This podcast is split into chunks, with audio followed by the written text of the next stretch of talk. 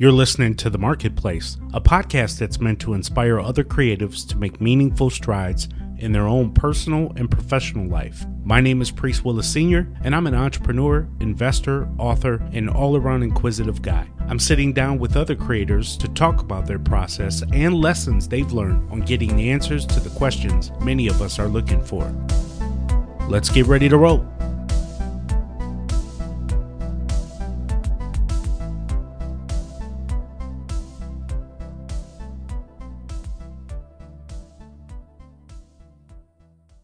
I'm joined with Bailey Richert, who is the founder of Virtual Summit School and host of Infopreneur Summit.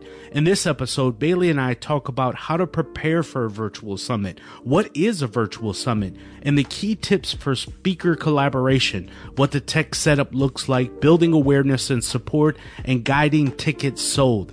Bailey's launch process and what needs to happen during the week of the summit and what success really looks like. The reason why I wanted to talk to Bailey is because she has a very interesting story. In 2013, Bailey left her corporate career, studied entrepreneurship at MIT, and launched her own online business, location independent business, with the goal of earning her own income from anywhere in the world. Today, she helps others realize the same in her own coaching, but she wanted to do more. She wanted to offer more value around her business and some of the content that she wanted to put out there. So she started a virtual summit, something that I've recently been interested in and something that I'm working towards building myself.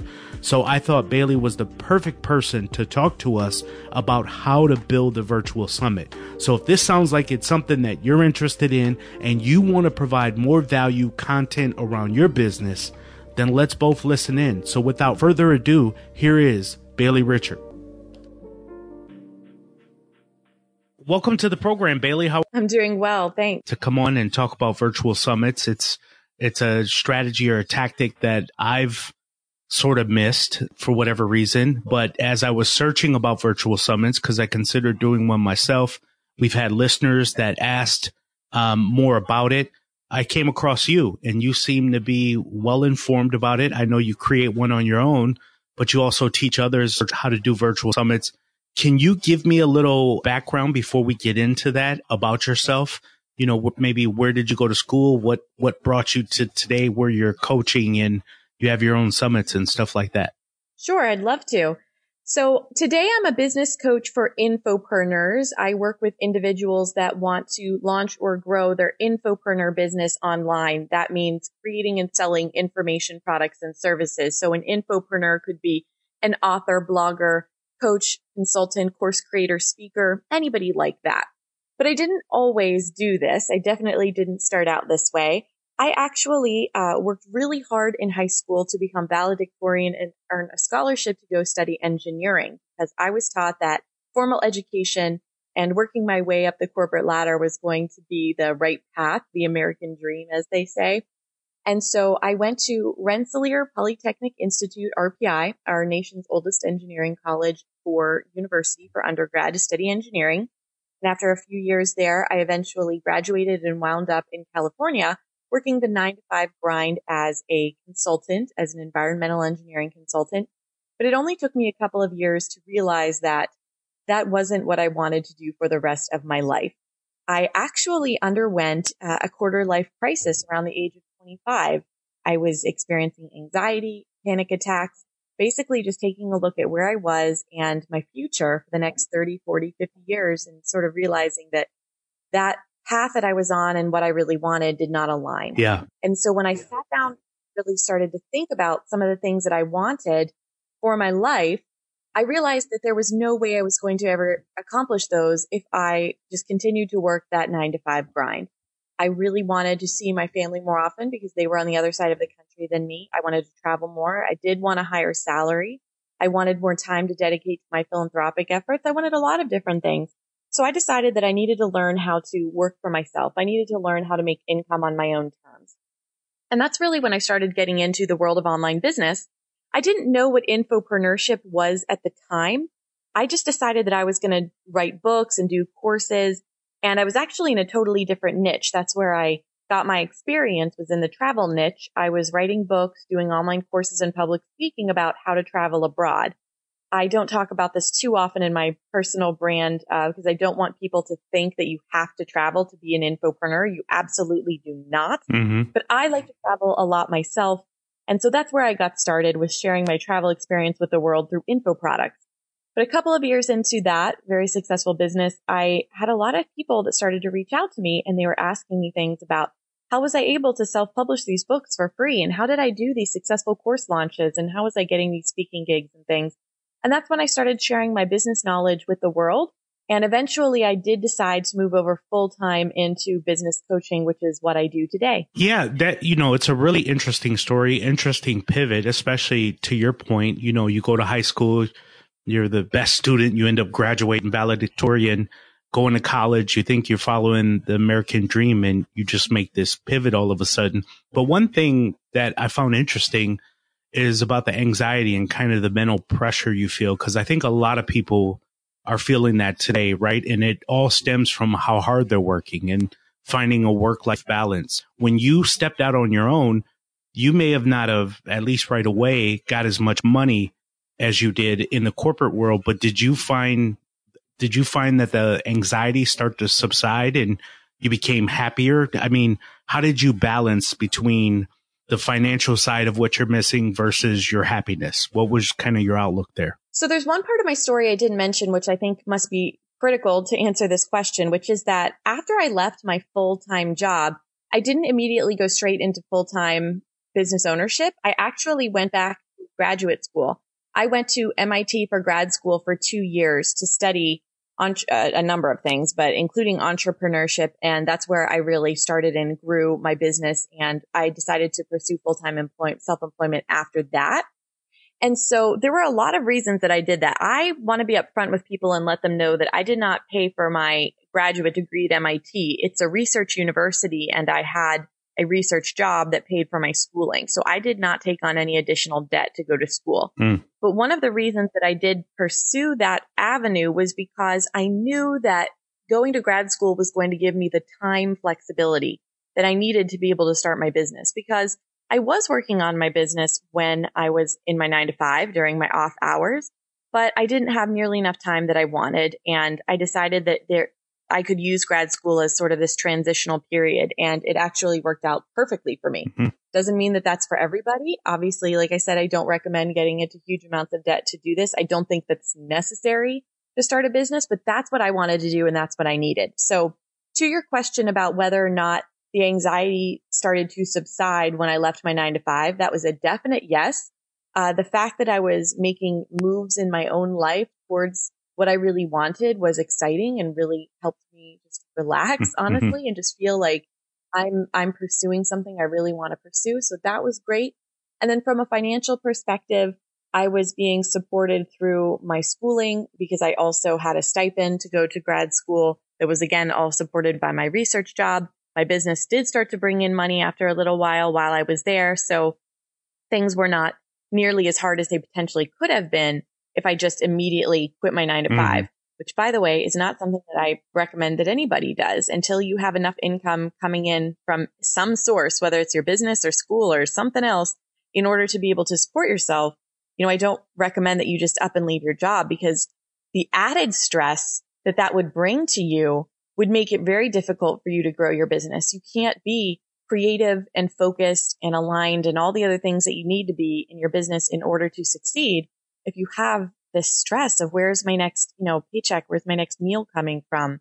So until you get to that point, that financial security from something else, I never tell my clients to leave their nine to five.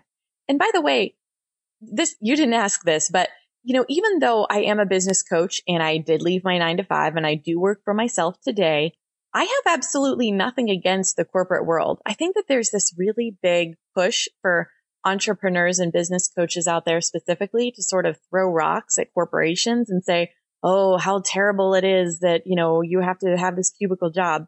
For a lot of people, that is an avenue that works perfectly well. You know, you have a, a family and a house to pay for and all this other stuff. And that kind of security is a, is a really nice thing because a lot of people don't realize that nine to fives provide you things that a business on your own initially may not be able to. Like your health insurance or your life insurance or, you know, disability and all this other sort of stuff that you would have to pay for on your own whenever you start becoming self-employed and, and to pursue things on your own. And so I, I'm very much a, a, person that thinks that you can be flexible and learn how to make your situation work for you. And you have to explore all avenues. And I, I definitely don't want to pursue my story as some sort of gigantic leap into the unknown that magically I worked out and I was successful and you can do it too. It's not like that. It is a grind every single day, even when you work for yourself and you're building that up from scratch. It's not like you go from zero to a hundred in a day. You know, it, I'm, I am where I am today because I've been doing my business coaching business for over five years now. And I was doing the info products in the travel industry for years before that. So, you know, someone might look at me and hear this story and they might think like, wow, you know, she did it so fast.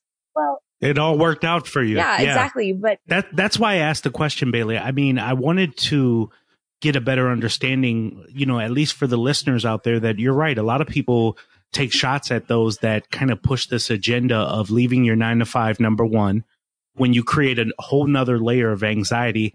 And I totally agree with you about staying within your corporate job, even if it's to stay there to learn other tools on the this isn't the right word, but on the the plate of the corporations, right? You can learn so many different things um, by being within the corporations. People are so excited about jumping out on their own, forgetting that sometimes to further your education a little bit, going into the workplace and being able to make connections and build your skill set within those corporations adds a lot too. So I think a lot of people are missing that. But let me let me ask you a quick question. I don't want to belabor the point here, Bailey, but if you didn't receive the scholarship, how much further would you have went in school? And the only reason why I ask is because that seems to be another thing, particularly with our listeners, where they're like, you know, how many, you know, how many people believe we should go to school? And I guess it's a big discussion just in general now. But so would you have continued your education if you wouldn't have received a scholarship? I mean, how far would you have went? With your education? That's a really great question. So I think on a personal level, there was something inside me that knew I was always going to pursue grad school um, for different reasons, totally outside of the business realm and outside of this discussion. So mm-hmm. want to know, you know, do I ever think that I would have gotten this far even without the scholarship? Yeah, probably actually. I, I do enjoy academics. Um, and, and I knew that was something that I wanted to pursue. Now, would it have looked the same as it turned out in real life? Would I have gone to MIT to do it if I didn't have the research support, the financial support in that way? Probably not. You know, you can actually go and get an MBA, which I did not have. I actually have an MS from MIT in the engineering systems division department. But you can actually go get an MBA at the Sloan School of Management at MIT and it costs what? 100,000 or something absurd. Mm. But it is not, it's not a research supported degree. So you have to pay for that in loans or on your own. And I could have done that, but I didn't do that because I was trying to make strategic, good financial decisions. So if I hadn't been supported by the research funds, would I have gone to MIT and would I have made that happen? I'm not sure. It's hard to say. I definitely certainly would have explored other financial options. MIT was not the only school that I looked at. There were lots of other places that I had looked at to see, you know, what was going to be the right fit for me. And one of the reasons that it, it, was a place I wanted to go was because this particular program that I did allowed me so much independent flexibility. I was able to take a lot of classes at the Sloan School of Management despite not being in the MBA track. I was able to get engaged with their entrepreneurship department, which is actually outside of the Sloan School of Management, believe it or not. So that was kind of interesting. I was able to do stuff there. And uh, so it all worked out, but it took a long time to put all of that together. It didn't just happen overnight. And uh, the finances were definitely a, a key factor, of course. You know, I really appreciate the hustle there for sure. And I know that's an overused term too, but I, I do look at someone like yourself who's went through the education way, even went to the corporate world and still decided that, you know, with some, with some wisdom around it, meaning you knew what, where you were at financially and what it meant to leap out I appreciate the fact that you would go out strategically and create books and courses and understand that your voice is important. So this is, this is why you're on the show. And I'm, uh, you know, I'm kind of happy to share this because this is an area where I don't know much about. I've been in digital, you know, online demand generation for almost 20 years and I haven't spent a lot of time with virtual summits and you seem to be very well versed in it. Obviously you have your own. So let's, let's talk a little bit about that. Why would someone like myself, first of all, and you kind of touched on it a little bit for your approach for infopreneur, but why would somebody want to start a virtual summit? What would be the benefit of someone like myself who's in business or maybe even someone who's not in business? Why is that important? So a virtual summit is often viewed by people in the digital marketing world as a lead gen or lead generation event, meaning that it is an event that will help you get a lot of traffic into your business by growing your email list. It is most definitely that thing. I agree. But that is not the only benefit that it will bring to your business. It can help you grow your email list. It can help you bring in some additional revenue on top of your regular monthly sales, which can be a really great injection of cash flow into your business. It will help you grow your network because you are going to be required to go out and find guest speakers for your event. So you're actually going to have to break out of your shell a little bit and start growing your connections and forming relationships with your peers. And then in my opinion, one of the best ways that it can really help your business is with that visibility if you do your summit correctly, you could be bringing in thousands of people, new people into your business that are going to be watching hours and hours and hours of video content with you all within a very short period of time. They're going to get to know you. They're going to learn more about what you're about, what your, what your philosophies and your business are. And that's going to lead to so many really great things. Business opportunities, partnerships, podcast interviews, sales, clients, all that good stuff. And all of those things are really necessary in order to help us grow our business. So to back things up, in case somebody isn't familiar with what a virtual summit is, basically a summit is an online conference. It's an online event where you, if you're organizing the summit, you are the event host and you're going to be bringing together a whole bunch of peers and colleagues within your own niche. You're going to do interviews with those individuals that you will then broadcast online for a limited period of time to your all collective audiences, meaning that you and your speakers will go out and promote the event to each one of your respective email lists, trying to get them to come and watch. Does it have to be niche based? What, uh, you know, one of the things that I thought about in a virtual summit was, you know, for instance, my focus for the podcast is talking with a lot of different people uh, that are doing a lot of different things in the marketplace, right? So that's very general. There's no real niche to it. But with someone like myself, how would you niche that down? Or would you just bring on different guests to kind of open up people's mind to different ways to grow a business in the marketplace. Our niches are, our niches important, I guess is my question. I think they really are, if I'm being honest. And I think that the reason why they are so important is because people who niche down have a very good understanding of exactly who their target audience is. So if you did a summit that was all just start a business, well, what does that mean? Are you trying to attract people who are interested in learning about real estate or info products or selling on Etsy and e-commerce or drop shipping? Like there's just, there's almost too many things that can be mm. covered in there. And then at the end of the day, you might think, well, that's kind of cool because I get to cover a lot of topics. But the problem is now you, at the end of the day, after your summit is over, you're going to have this email list of registrants, people that registered for the summit, right? Maybe it's 2000 people. But at the end of the day, you're going to have no idea who on that list of 2000 people is interested in real estate or drop shipping or this or that because you don't know which topics they were watching.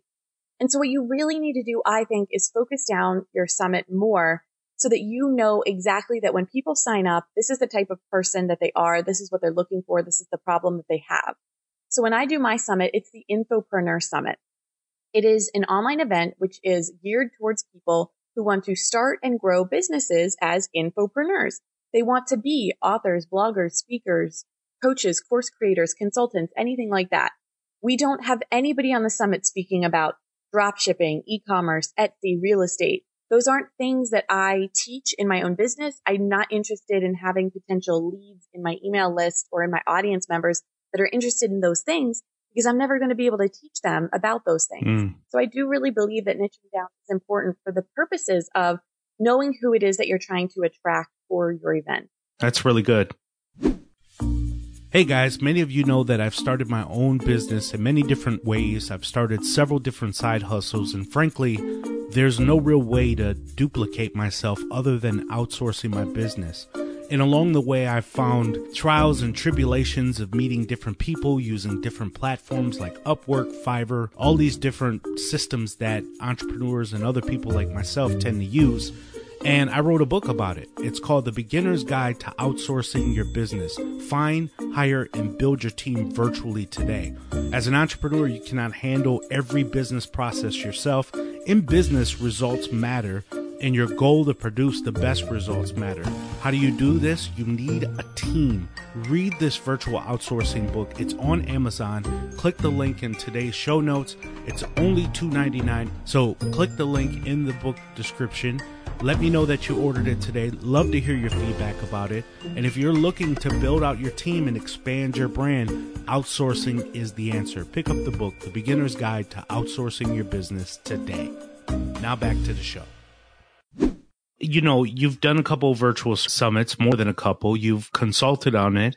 What are some of the things that you've seen come from it in terms of successes that if you had to really call them out and say, look, these are the top two, three things that I think could help drive your business, i.e. email acquisition or something along those lines. What are the, the major benefits uh, from having a virtual summit? So I'm actually going into my fourth year for my Infopreneur Summit. And these are the things that the summit has brought me. Number one, it has grown my email list. So in the past three years, this fourth year that we're going into, we haven't had yet. So we have three years of results to go off of. So in the three years that we've done the summit, I think the first year we brought in over a thousand people. Last year we brought in 3,400 people. And then there was the second year as well. Wow. So, you know, yeah. So thousands and thousands of people into my business, into my email list to become my clients, to become audience members. And then the great thing about that is that after you have their email, you can nurture those individuals into sales, into clients, and you can also funnel them into your community. So I do have a free Facebook group online and so what I'll do after somebody joins up for my summit is I'll encourage them to join my free Facebook group because that's where all of the discussion about the summit is going to happen. That's where they can connect with me. That's how they can connect with other people who are attending the summit and other infopreneurs who are a part of my audience. So I've, I have several thousand people in my free Facebook group now and pretty much everybody came from my summits because that's when this big influx of people comes in every year. And as we know, the more people you get kind of in your group, especially in a short period of time, it really increases your engagement. And then when your group engagement goes up, you know, more people are seeing your posts. And so it's, it's just this snowball effect. So we have the email list. We have the community. I mentioned sales. In your virtual summit, you can sell products related to the summit, like the all access pass. That's a pretty standard initial offer in your summit funnel where people are going to have an opportunity to buy lifetime access to the video content, MP3s, PDF of notes, transcriptions from the summit interviews and content itself. You can also upsell people to other courses, coaching programs, masterminds, books, things like that that you have. And then, of course, there's the networking I mentioned. Reaching out to other guest speakers is going to help you grow your network. Of course, if you already have relationships with some people, that's great. Go ahead and feel free to invite those people to be on your summit. But I definitely think you should take advantage of this opportunity to cold outreach to some people because normally that can be awkward. Cold outreach is not uh, a fun thing to do always. But when you have something like a summit, you know, you can say, Hey, you know, I've been admiring you for a really long time. I love what you do. Would it be possible for, you know, me to invite you to come on and speak on my summit? So you have something to reach out to them about. So that's really, really great. And then again, the visibility and the opportunities. People are going to see your summit. They're going to ask you if you uh, would like to be on their podcast. You're going to get clients. You're going to get guest blog posting opportunities, just that visibility, you know, being more recognized in your own niche and industry is really truly invaluable. So those are most of the benefits. That's really good. So what, what do you say typically when you're coaching to the people? And I don't, I, I don't know if this comes up or not, but I can imagine that some people have some level of imposter syndrome. Oh, uh, what do you say to people that feel like that they just don't have a name enough, a popular name out on the internet world to even start something like this? What what's typically your thing to sort of craft around them to say, no, this is where you begin your name process? How, how do you approach that? Right, exactly. I do see so many people that come to me and they'll say, well, this concept of doing a summit sounds really interesting, but I'm not established enough. Right. I don't have an email list. I don't have this, you know, big network of people. And sometimes I just, I, I just want to grab them by the shoulders and give them a little shake and say, that's the point and say, that's exactly why you do a summit is to say that you are trying to do a launch of your business or a product or your website or your personal brand or something like that.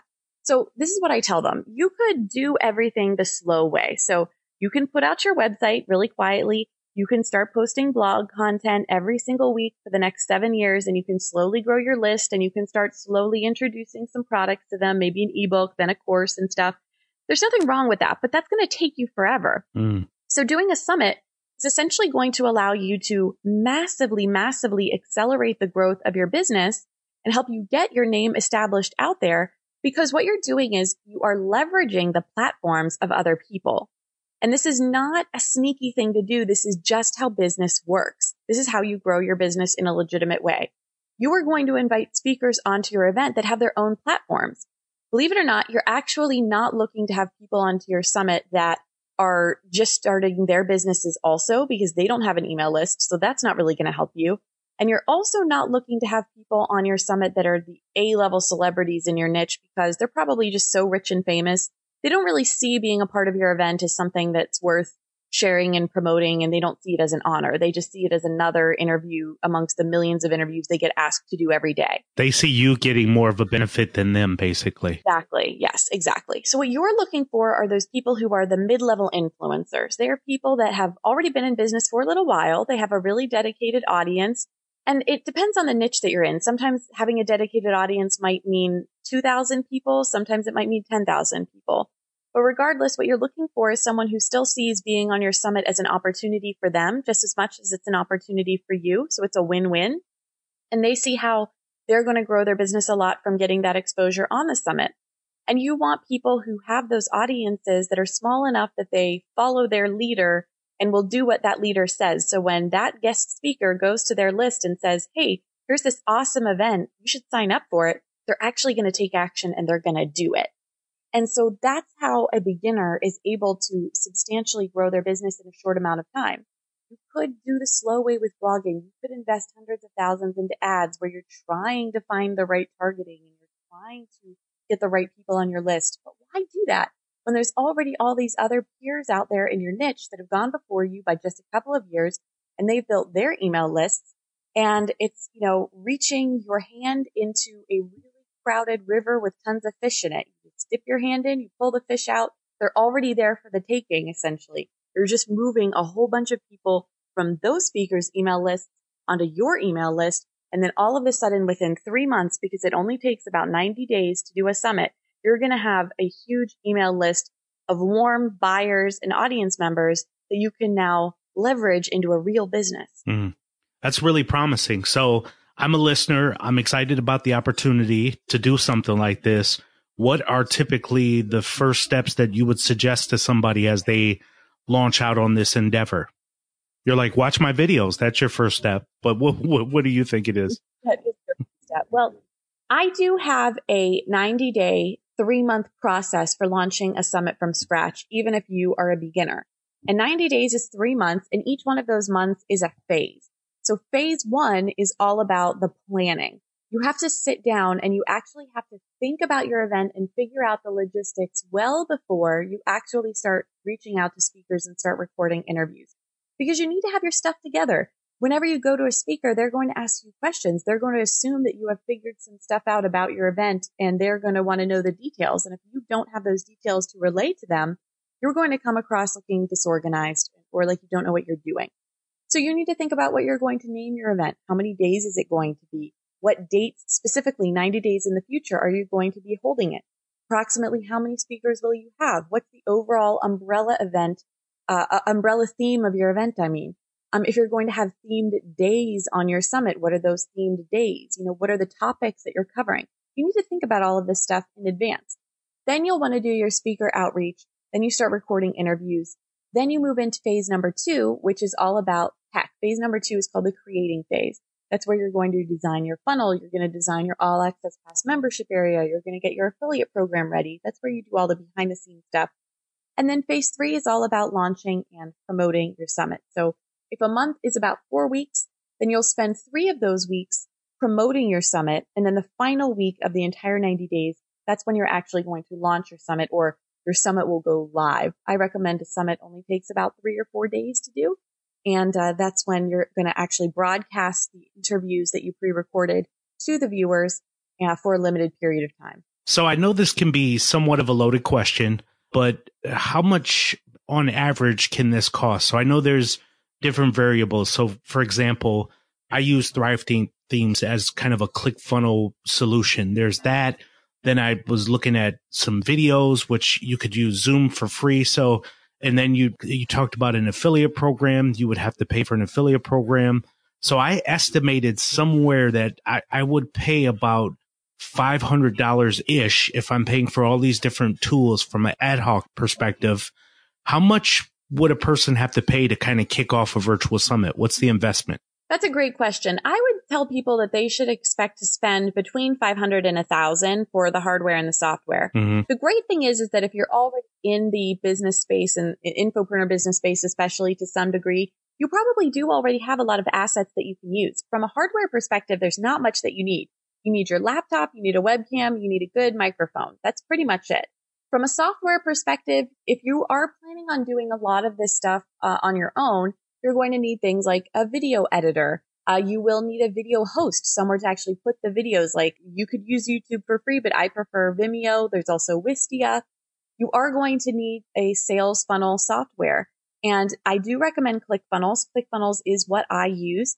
And the reason that I like ClickFunnels is because it is an all-in-one solution. So everything that you need in order to run your summit is included. You get the full sales funnel with the landing pages, the order forms, the email collection. You can send out emails and it has the affiliate program built in. You can do a membership area inside of ClickFunnels. So it really has everything that you need. But, you know, you can also do a piecemeal solution if that's what you prefer. I don't like to build my funnels that way, but, you know, you can do some sort of Leadpages, Instapage, Thrivecart plus PayPal, you know, plus Thinkific teachable type solution. If that's kind of how you do it in your own business, I prefer the, the ClickFunnels all in one solution, but that's just me. So you have to take an evaluation of what tools you already have and how much you want to spend. But it's possible that out of that $1,000 budget, some of those things you probably already have. So I know we're speaking again in generic terms, but what are we looking at? And again, I know this uh, you know, we'll put the disclaimer on it that it depends on what niche, it depends on who you have on. There's a lot of variables here, but I don't know if you, as you're working with clients, if you look at averages across what they've reported back to you in terms of their success, but what do you determine to be a successful EDR or expense to revenue or ROI? What, what is, what does that look like? So I have had people that have reported to me after taking my course that they have had from 1000 to 1500 email subscribers, which is pretty, that's really good, especially if it's your first summit. That's what I got around my first summit all the way up to six, 10,000 email subscribers. Wow. Well, here's the thing is that it completely depends on your numbers. How many speakers did you have? How many people did they have on their email list? How many of those speakers promoted? What were their email list open rates and click through rates? You know? So I think part of it comes down to choosing the right speakers. Part of it comes down to picking the right niche. One of the things that I've seen a lot is that people that do summits in niches where summits have not previously been done and where they're kind of novel have, they've been really successful. You know, the this coaching niche, which I'm in, there's a lot of summits there, right? And not mm-hmm. saying it's saturated because I still find success and I think you still can, but there's a lot more competition versus doing like a, you know, dog, pet and animal summit, right? Which is a, you don't see a lot of summits in that sort of industry, right? Mm-hmm. So when people to register for something new that their niche doesn't often present to them, have a lot of success with subscribers, which can be really great.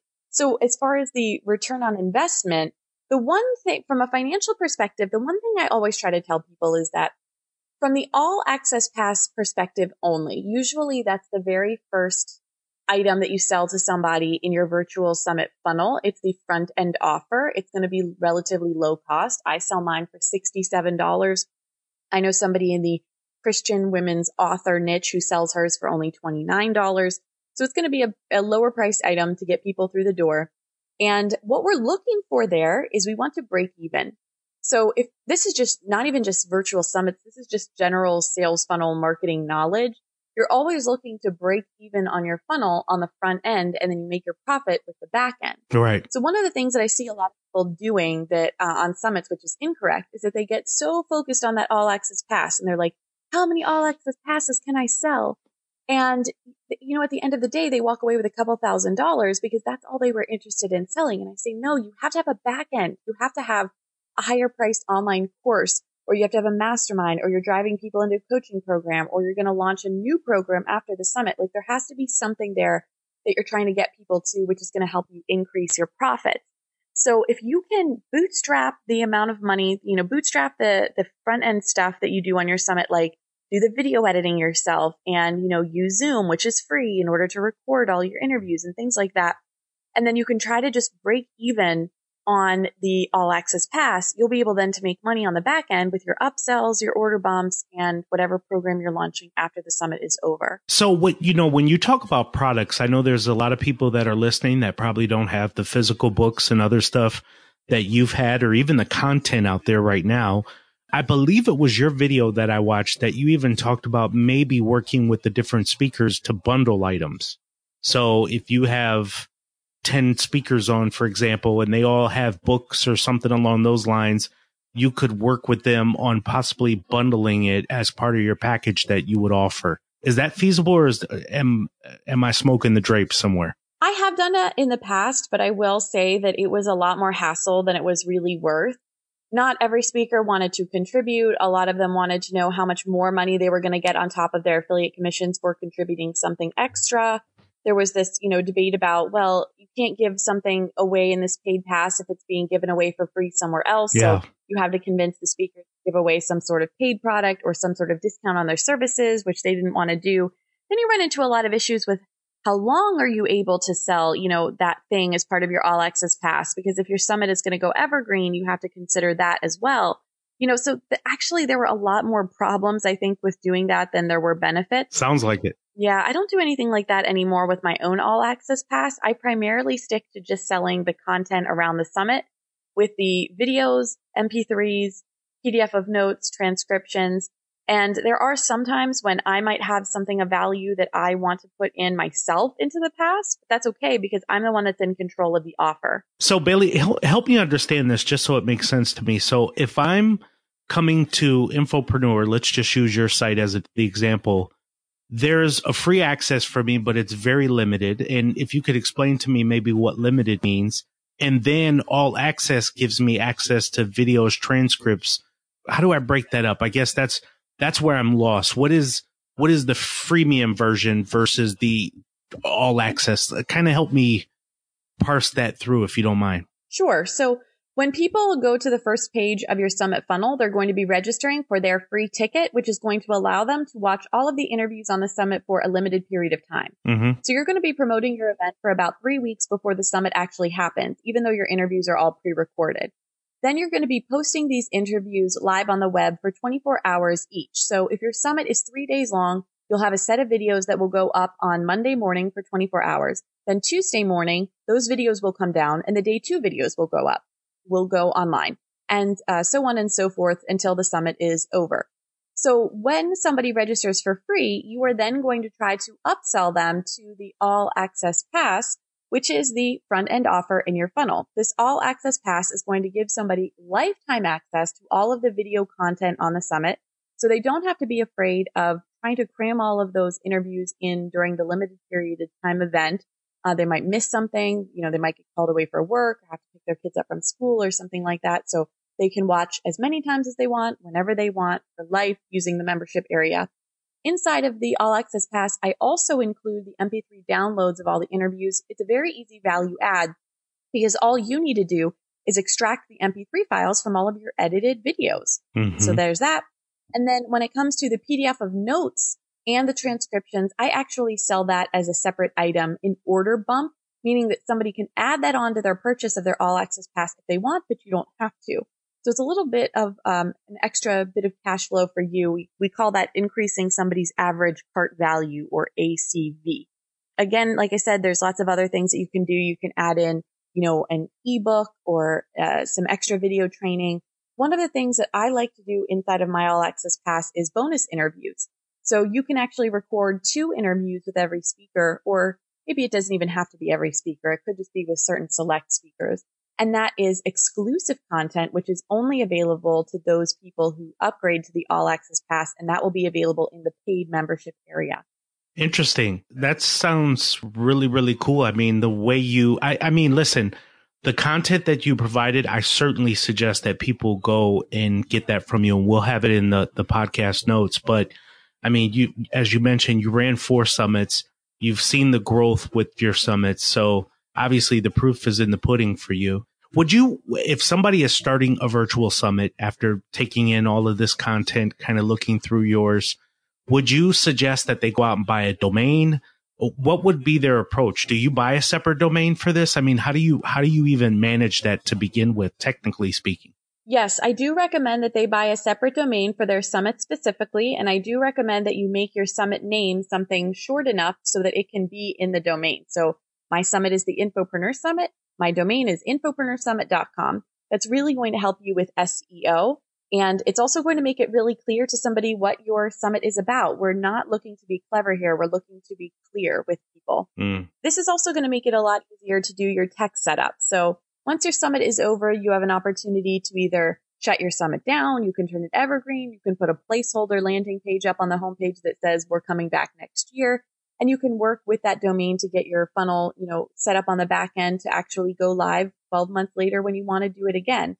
And there's absolutely nothing that says that you can't have a personal brand and do a summit like this. I do. My personal brand is BaileyRichert.com but I base my entire brand around this concept of infopreneurship and doing information products and services. That's why my summit's called the Infopreneur Summit.